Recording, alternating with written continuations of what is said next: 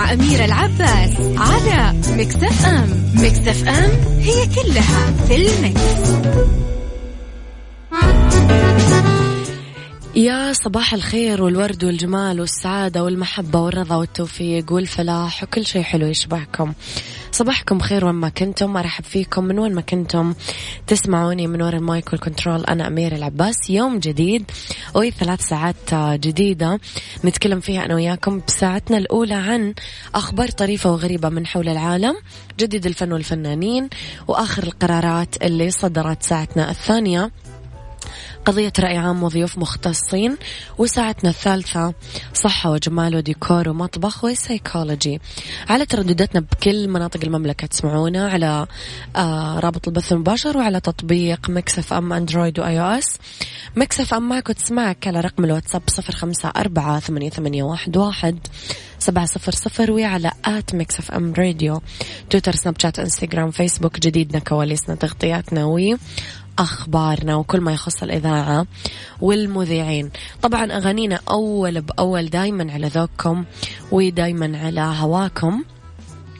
ورب الخير لا يأتي إلا بالخير وأمر المؤمن كله خير. هذه قاعدة ربانية نبدأ فيها يومنا عشان نرتاح ونسامح عشان إحنا نرتاح قبل الآخرين. صباحكم خير وصباحكم دايما تسامح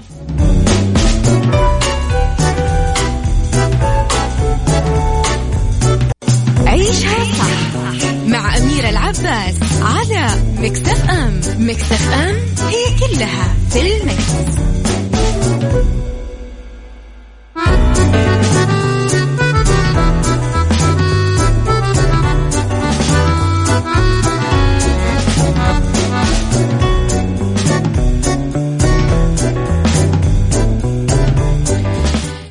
تحياتي لكم مرة جديدة. أبو عبد الملك صباح الخير وصباح الخير فن البساطة وصباح الخير محمد الشرقي من جدة. صباحكم خير. الله محمد مصور لنا الممشى.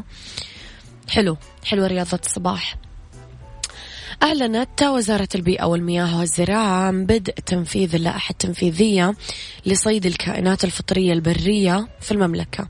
وضحت الوزارة أن اللائحة تهدف إلى حماية الحياة الفطرية وبالأخص الكائنات المهددة بالانقراض والحد من الصيد الجائر والعشوائي وتنظيم أنشطة الصيد وإتاحة منافذ لهواة الصيد لممارسة هواياتهم بطريقة سليمة وآمنة.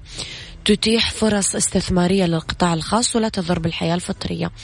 أشارت الوزارة إلى أن اللائحة التنفيذية حددت جدول الغرامات لمخالفات أحكام النظام واللي تشمل صيد الحيوانات المحظورة الصيد بدون ترخيص أو مخالفة أماكن وأوقات الصيد أو عرض وبيع الكائنات اللي انصادت بدون ترخيص استخدام الأسلحة والأدوات المحظورة في الصيد. وعشان تعرفون زيادة معلومات تقدرون تدخلون على موقع الوزارة الإلكتروني وتطلعون على اللائحة عبر موقع الوزارة. يذكر أن المركز الوطني لتنمية الحياة الفطرية يشرف على البرامج المرتبطة بحماية الحياة الفطرية وتنميتها. أيضا البرامج المتعلقة بحماية التنوع الأحيائي تخطيط واقتراح المناطق المحمية وإدارتها إدارة مراكز إكثار الحيوانات المهددة بالانقراض وإعادة توطينها بالإضافة لإصدار التراخيص والإعتمادات الخاصة بالحياة الفطرية. تفتيش ومراقبة إعداد التقارير الدورية والتنسيق مع الجهات ذات الصلة فيما يخص إنفاذ اللائحة وتطبيق الضوابط. أرجو أنه الناس أمانة تلتزم بالقوانين اللي واضحة وصريحة وما حد يقول أنا ما أعرف ولا أنا ما سمعت. عيشها صح مع أميرة العباس على Mix FM. Mix FM it's all in the mix. تحياتي لكم مرة جديدة صباحكم خير مرة ثانية. صباح الخير على آه... okay. علي الفرساني. صباح الخير يا علي.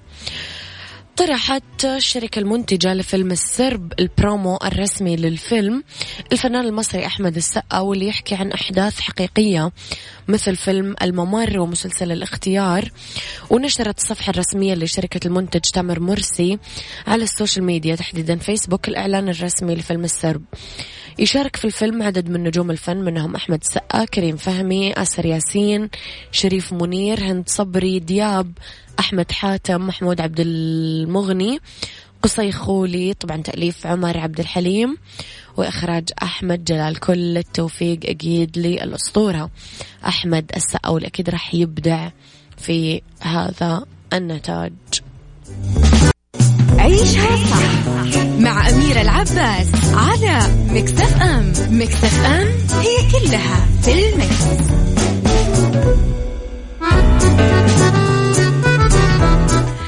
يعني والله يا جماعة أعداء النجاح طيب. صباح الخير على دنيا العبيدي. يسعد صباحك يا دنيا بكل الخير والجمال.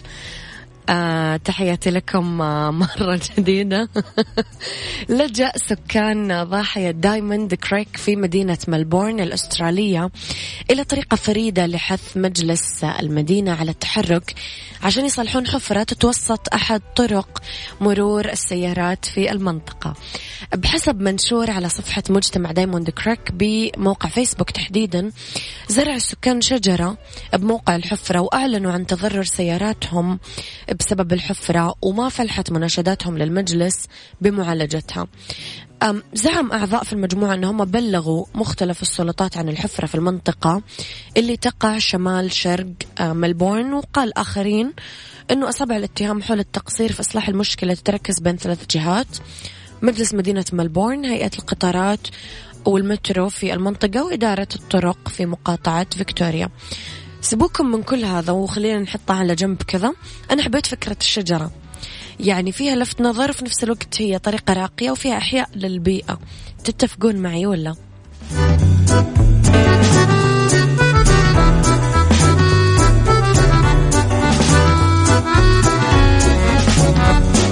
تعال وعيش حياتك عوض كل شي فاتك عيش أجمل حياة بأسلوب جديد في دوامك أو في بيتك حتلاقي شي يفيدك وحياتك إيه راح تتغير أكيد. رشاق ويتوكيت أنا في كل بيت. ما عيشها صح أكيد حتعيشها صح في السيارة أو في البيت.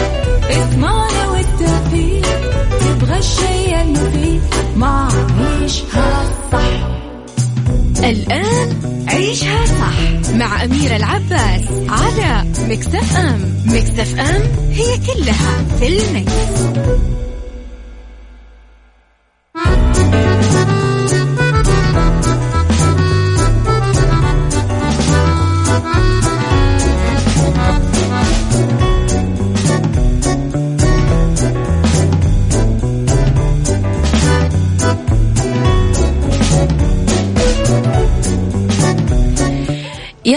صباح الخير والورد والجمال والسعادة والرضا والمحبة والتوفيق وكل شيء حلو يشبهكم. تحياتي لكم وين ما كنتم من وين ما كنتم تسمعوني أرحب فيكم من وراء ال mic وال control أنا أميرة العباس. أرحب فيكم في ساعتنا الثانية على التوالي واللي طبعا اختلاف الرأي لا يفسد للود قضية فيها لولا اختلاف الأذواق حتما لبارت السلع توضع دائما مواضيعنا على الطاولة بعيوبها ومزاياها بسلبياتها وإيجابياتها بسيئاتها وحسناتها. تكونون أنتم الحكم الأول والأخير بالموضوع. وبنهاية الحلقة نحاول أننا نصل لحل العقدة ولمربط الفرس. نتكلم اليوم أنا وياكم على الكسل عدو النجاح. وسبحان الله كنت أتكلم مع أحدهم عن هذا الموضوع لسه قبل أقل من عشر دقائق.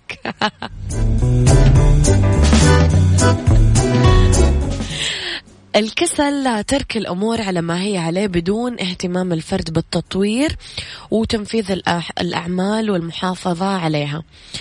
آه كنت بقول الأموال. ما يا جماعة ظهر الراتب اتأخر علينا ولا وش السالفة؟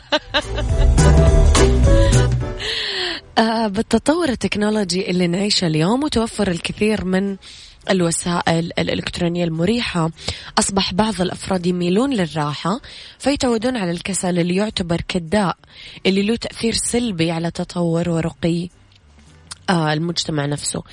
إيش الأعذار اللي أصبحت جزء طبيعي من حياتك؟ وإيش طريقتك للتغلب على؟ الكسل. قولي رأيك على صفر خمسة أربعة ثمانية, ثمانية واحد, واحد سبعة صفر صفر. آه صباح الخير يا أم خالد. صباح الخير يا أم خالد. صباح الخير يا آه ما ما انت كاتب اسمك يا صديقي؟ أوكي. عيشها صح مع أميرة العباس على مكتف أم. مكتف أم هي كلها في المكس. استكمالا لموضوع حلقتنا أبو عبد الملك يقول الكسل عدو النجاح يعتمد على إيش يقاس مفهوم النجاح بنظرنا. هل هو جمع ثروة إنجاز هدف كسب علاقة أحسن تربية تفاني في بر الوالدين؟ الكسل أو التكاسل؟ أيوة طبعا عدو كل ما ذكر هذا رأي أبو عبد الملك.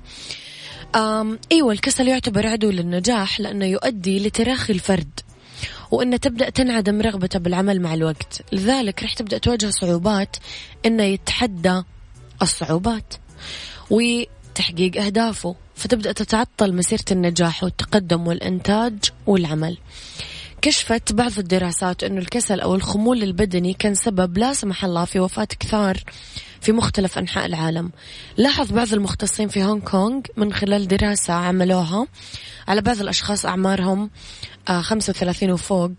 الدراسة كانت على 6400 شخص. توفوا بسبب عدم القيام بأي نشاط بدني. بعدين تقارنوا بناس توفوا بسبب التدخين 5700 شخص. وهالشيء يوضح أنه الكسل لا يقل خطورة عن التدخين. لذا يستدعى دق ناقوس الخطر عشان نتغلب على مشكلة الكسل في البيت في الشغل بأننا نتبع بعض الخطوات اللي تساعد في التحول إلى شخص ناجح باستطاعته إنجاز الأعمال والمهمات بإرادة قوية وهمة. عالية. طبعا في خطوات. أولا ندون ونستحضر قيمة العمل اللي نبي نحققه. يعني نعود النفس على التفكير العملي. بدلا من مخاطبة العقل أتمنى لو كنت أقدر أعمل كذا. لا أنا راح أعمل كذا في الوقت الفلاني. هذه تفرق. آه بعدين نتمكن من البدء بالجزء الأسهل. يعني مثلا عندك تبى تنظف بيتك. راح تبدأ مثلا تنظف البوتاجاز بعدين تبدأ تنتقل للمطبخ بعدين تبدأ تنتقل لغرفة آه، النوم بعدين تبدأ تنتقل لغرفة وهكذا آه، النقطة الأخيرة والمهمة هي خطورة سوء التغذية. بعدم الحصول على العناصر الغذائية الرئيسية بروتينات كربوهيدرات أحماض دهنية فيتامينز وأملاح معدنية واللي لها كثير دور أساسي أنها تحافظ على جسم الإنسان. وطبعا تولد النشاط الذهني اللي يقدر يخليك تتجنب الكسل.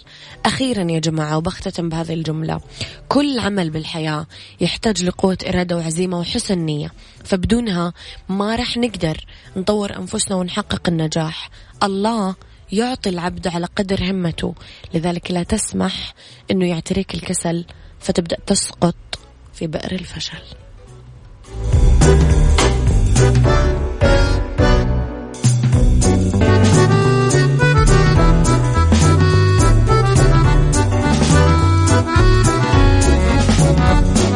تعال وعيش حياتك عوض كل شي فاتك عيش أجمل حياة بأسلوب جديد. في دوامك أو في بيتك حتلاقي شي يفيدك إيه راح تتغير أكيد. رشاق ويتوكيت أنا في كل بيت. ما عيشها صح أكيد حتعيشها صح. في السيارة أو في البيت اسمعنا والتوفيق. تبغى الشي المفيد ما عيشها صح. الآن عيشها صح مع أميرة العباس على مكتف أم مكتف أم هي كلها في المكس.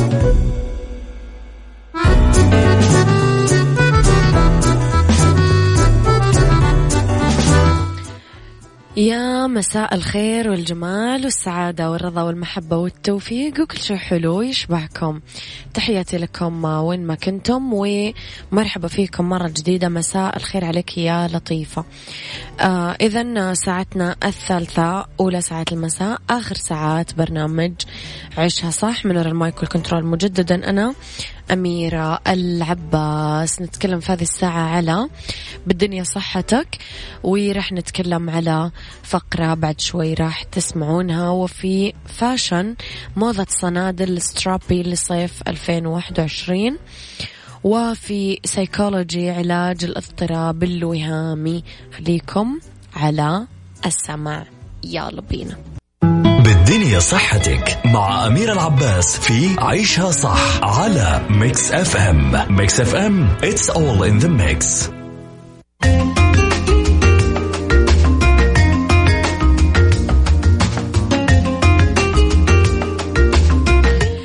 لأنه بالدنيا صحتك. اليوم نتكلم عن آه تنفيذ مجموعة بحثية طبية سعودية دراسة جديدة بأثر رجعي عن الخصائص السريرية للمصابين في السعودية بسرطان الثدي آه إيجابي البروتين. استمر العمل على الدراسة ثلاث سنين وقدمت أرقام محدثة عن المصابين وحثت في توصيتها النساء بأهمية إجراء الفحوص لتشخيص إصابتهن منذ وقت مبكر لسهولة علاج المرض بمراحله الأولى. للمزيد عن الدراسة رح ينضم لنا هاتفيا الدكتور أحمد سعد الدين استشاري طب الأورام للبالغين في قسم الأورام بمدينة الملك عبد العزيز الطبية بالرياض. يسعد مساك دكتور أحمد. دكتور أحمد مساء الخير تسمعني؟ دكتور أحمد؟ دكتور أحمد تسمعني؟ طيب راح نعاود الاتصال بدكتور أحمد وفي هذه الأثناء. خليني أقول لكم على شيء ثاني. عيشها صح مع أميرة العباس على مكتف أم. مكتف أم هي كلها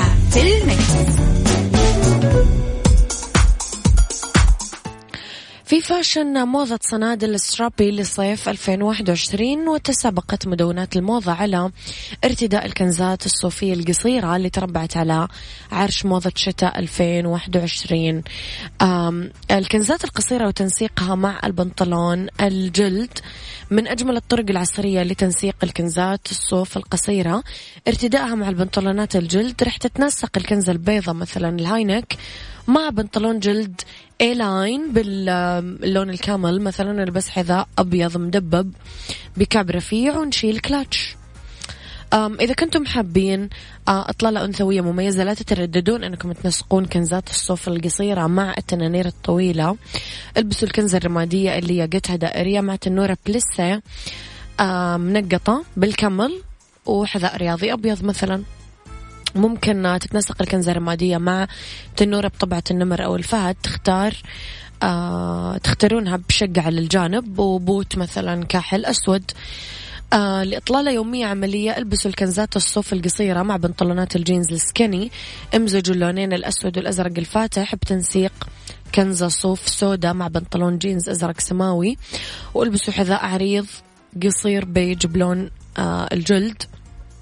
احملوا شنطة مثلا من نفس لونه وتلائم الكنز البورغاندي آه بنطلون جينز أسود أو رمادي داكن على أن يكون الحذاء مدبب باللون الأسود وشيلوا حقيبة كتف سوداء مزودة بحزام طويل.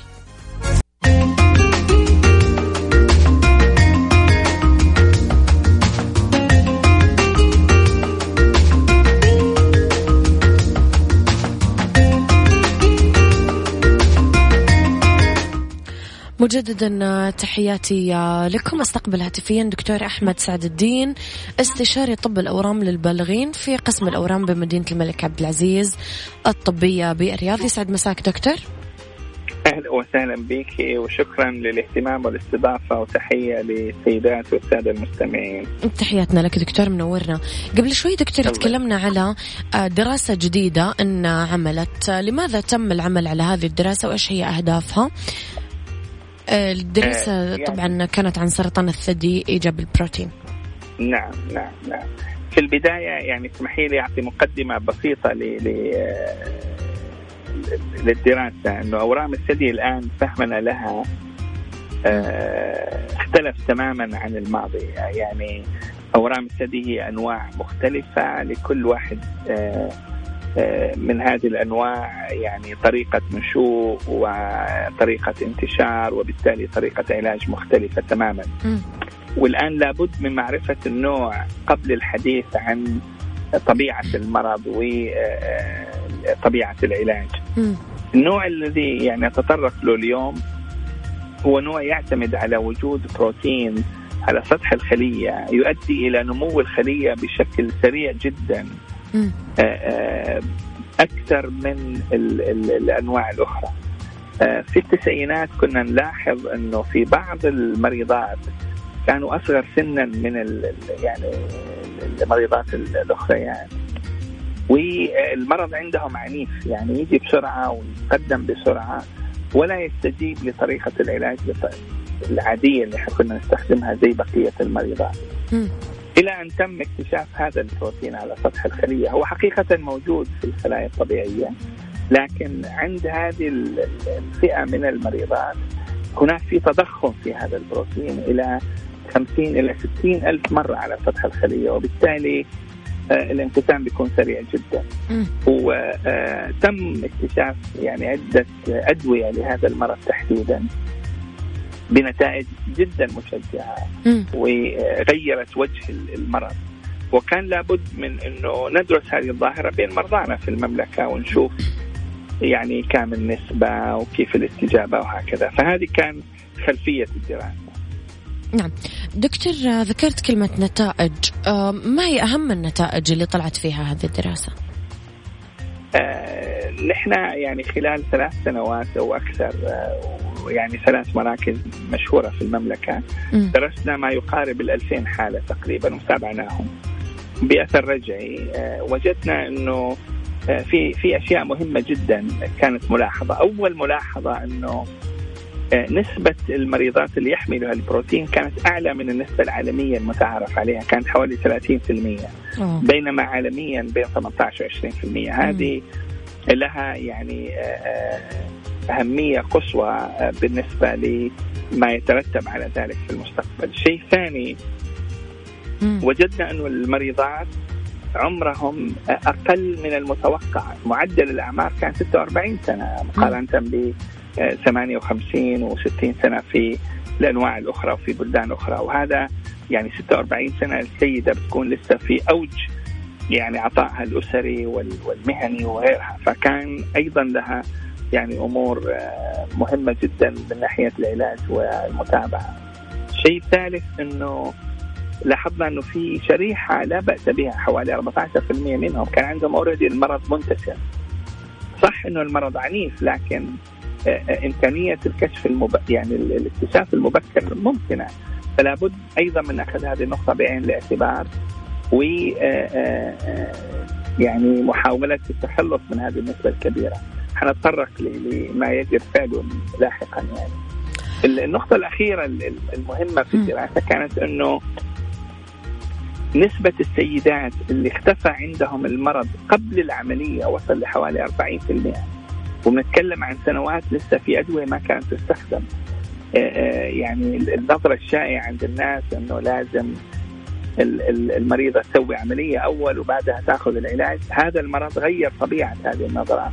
لا السيدة اولا تأخذ علاجها لمده تقريبا آه، من أربع إلى ستة شهور ثم تسوي العملية الجراحية. وكان نسبة الناس اللي اختفى عندهم الورم قبل العملية حوالي 40% بيصل إلى 60% الآن في بعض المراكز. فهذه كمان كانت آه، جدا يعني نقطة مهمة. يعني هذه يمكن أهم النقاط اللي آه، لاحظناها في الدراسة. اللي كانت من النتائج. طيب دكتور انعكاس نتائج الدراسة مقارنة بالنتائج الدولية الطبية حضرتك ذكرت أنه كان في اختلاف مثلا في النسبة اللي, أيوة. اللي هم محددينها. نعم. صحيح. ناخذ نقطة نقطة. النسبة العالية أولا تستدعي أنه ندقق في النتائج اللي موجودة معنا آه، يعني عندنا مخابر في المملكة نفتخر بها في المراكز الكبيرة. آه، بصراحة يعني توازي إذا ما كانت آه، يعني على يعني أعلى مستوى في العالم من ناحية الدقة. لكن هل المختبرات اللي في المستشفيات البعيدة شوية اللي غير متخصصة نتائجها بهذه الدقة؟ فكان لابد من مراجعة الحالات في آه، وهذه أول توصيه طلعنا فيها إنه الحالات يجب أن تراجع في مختبر مركزي للمملكة. يدقق في الحالات اللي يقولوا إنه هي البروتين إيجابي. آه، فحص البروتين فحص معقد يحتاج إلى خبرة ويحتاج إلى دقة وأشياء. يعني ما هي متوفرة في كل مكان. هذه أول يعني أول خلينا نقول آه، مهمة يمكن نحن نوصي بها. وهذه لها انعكاسات مادية وعلى المرضى وأشياء كثيرة. شيء ثاني ودنا نقل يعني نخفف من هذه النسبة اللي هي 14% هذه عالية. ودنا نوصل ل 2 3% زي بقية العالم. وبالتالي لابد من التوعية والتوعية والتوعية الشديدة بالكشف المبكر. آه، خاصة يعني ما تجي تقولوا أنا سني صغير ما حيجيني أورام ثدي لا. إذا لاحظتي أي شيء في الثدي بليز لو سمحتي تعالي للكشف حتى لو كان عمرك 40 أو حتى أقل لأنه هذا المرض يصيب من هم أصغر سنا يعني أصغر مريضة شفناها في الدراسة كان عمرها 17 سنة. أوه.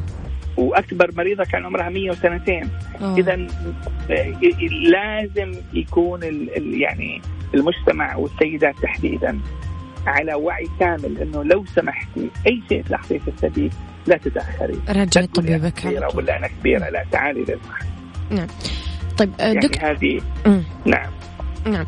السؤال التالي يا دكتور كيف يمكن أنه تتطور مثل الدراسات البيئية البحثية الطبية في تحديدا المملكة العربية السعودية؟ سؤال سؤال جدا مهم وجميل. آه نحن هذه الدراسة هي دراسة بأثر رجعي صحيح؟ نحن نعم. آه يعني رجعنا تقريبا ل 2000 ملف للحالات ودرسناهم بدقة. لكن الآن نحن في طور بنسميها البروسبكتيف ستدي اللي هي الدراسات اللي آه، للأمام وليس للخلف. بمعنى لما المريضة تجي نأخذ كل بيناتها بناء على معلومات محددة نأخذ كل صفات المرض والمريضة والعائلة وإلى آخره ثم نتابع حالتها للأمام. هذه هذه الدراسة حتكون أدق يعني معلوماتها ونتائجها من الدراسة الرجعية آه، آه، وبالتالي التوصيات حتكون مبنية على آه، شيء أهم ولازم نزود العدد يعني قدر الإمكان نخلي أعداد المريضات الموجودات في الدراسة يكونوا أكبر عشان نقدر في المستقبل يعني نعطي توصيات بشكل أوضح وأقوى للمجتمع. طيب دكتور نجي للجزء الأهم في موضوع حلقتنا اليوم والجزء الأخير اليوم كيف تقدر الجهات الصحية تستفيد من هذه الدراسة؟ آه، اولا آه، بالتأكد من إنه كفاءة المختبرات اللي تشخص هذا النوع من الأمراض موجودة وإذا في أي شك إنه الكفاءة غير موجودة تحول العينات إلى مختبر مركزي سواء في الحرس أو في التخصصي أو في الجامعي المراكز المؤهلة للبث في هذا الموضوع. هذه أول نقطة. وهذه مسؤولية يعني كل مستشفى على حدة ووزارة الصحة تشرف على هذا الشيء من خلال فريق متخصص في متابعة هذه الأمور. شيء ثاني التأكد إنه مثلا للأسف لا يزال بعض المريضات في هذا النوع من الأورام يذهبوا للجراحة أولا وهذا يعتبر الآن غير مقبول فلازم كمان نوصي إنه هالنسبة اللي رأيناها من الناس اللي آه، يعني بدأوا في العملية الجراحية يجب أن تنتهي تقريبا وكل المريضات ياخذوا علاجهم قبل العملية أو متابعة هذه الأمور، برضو هذا شيء رقابي مهم جدا لمصلحة المريضات وحياتهم في المستقبل. الشيء الثالث والأخير هو موضوع يعني الحرص على توفر الأدوية الكاملة اللازمة لعلاج هذا المرض، هذا المرض يحتاج إلى أدوية خاصة آه، آه، مكلفة تعطى بطريقة محددة ومعينة وبفتره زمنية ثابتة. التلاعب فيها يعني غير مسموح والاجتهاد فيها غير مقبول لأنه يؤثر على حياة المريضات. فلا بد من أيضا يعني بعض الرقابة على أداء الأطباء والمستشفيات وال من خلال مراقبة الأشياء هذه. يعني وأنا أفتخر صراحة وأشكر من من هالمنبر ال ال يعني القائمين على على الخدمات الصحية في المملكة وما يعني ودي أجامل لك نقول لهم مريضاتنا محظوظات آه، آه، بوجود كامل ما يلزم لعلاجهم في المملكة. تشخيصا وأدوية وغيرها كل ما نحتاج وشيء من التنظيم آه، بين بعضنا البعض عشان كل مريضة في أي مكان في المملكة توصلها أفضل خدمة ممكن تقدم لامثالها. الحمد لله إن شاء الله. دكتور نورت حلقتي اليوم. وإن شاء الله لنا الله لقاءات. قريبة. وكل التوفيق في بحوثاتكم ودراساتكم القادمة بإذن الله. أهلا وسهلا أهلا بك. أشكرك دكتور تحياتي لك. شكرا. إذا كان ضيفي اليوم دكتور أحمد سعد الدين استشاري طب الأورام للبالغين في قسم الأورام بمدينة الملك عبد العزيز الطبية بالرياض. سايكولوجي مع أمير العباس في عيشها صح على Mix FM Mix FM it's all in the mix